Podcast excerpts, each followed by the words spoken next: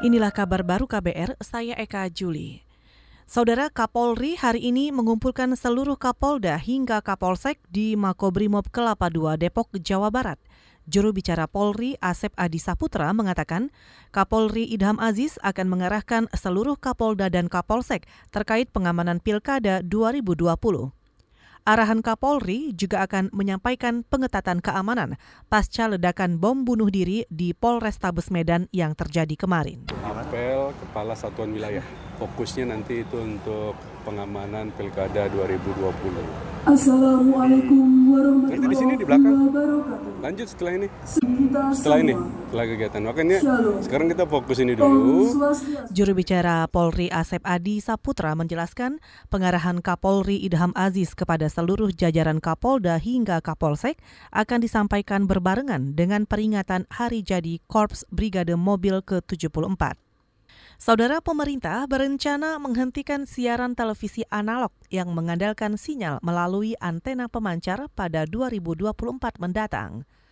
Menteri Komunikasi dan Informasi Johnny G. Plate mengatakan tidak menutup kemungkinan rencana ini berjalan lebih cepat karena industri pertelevisian analog memang sudah semakin terbatas. Ya secara teknologi nggak bisa dicegah. Saat ini manufaktur atau pabrik yang membuat TV ya itu sudah hampir tidak ada lagi yang bikin analog. Rakyat beli TV digital, tapi siarannya kan masih analog. Merugikan siapa? Itu kan merugikan rakyat. Kita harus jaga kepentingan rakyat. Satu sisinya dari sisi pengguna ya.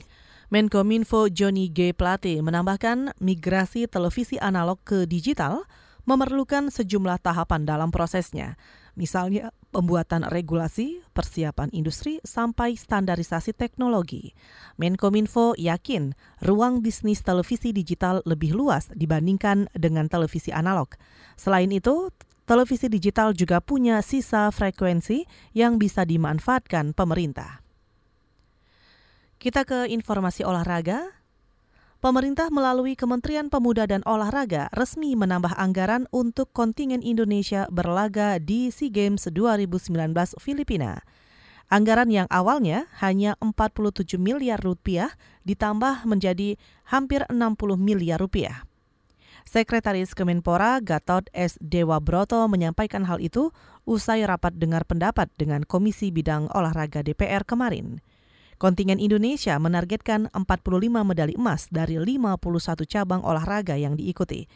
Target lain menduduki posisi empat besar klasemen perolehan medali SEA Games yang akan dimulai 30 November nanti di Filipina.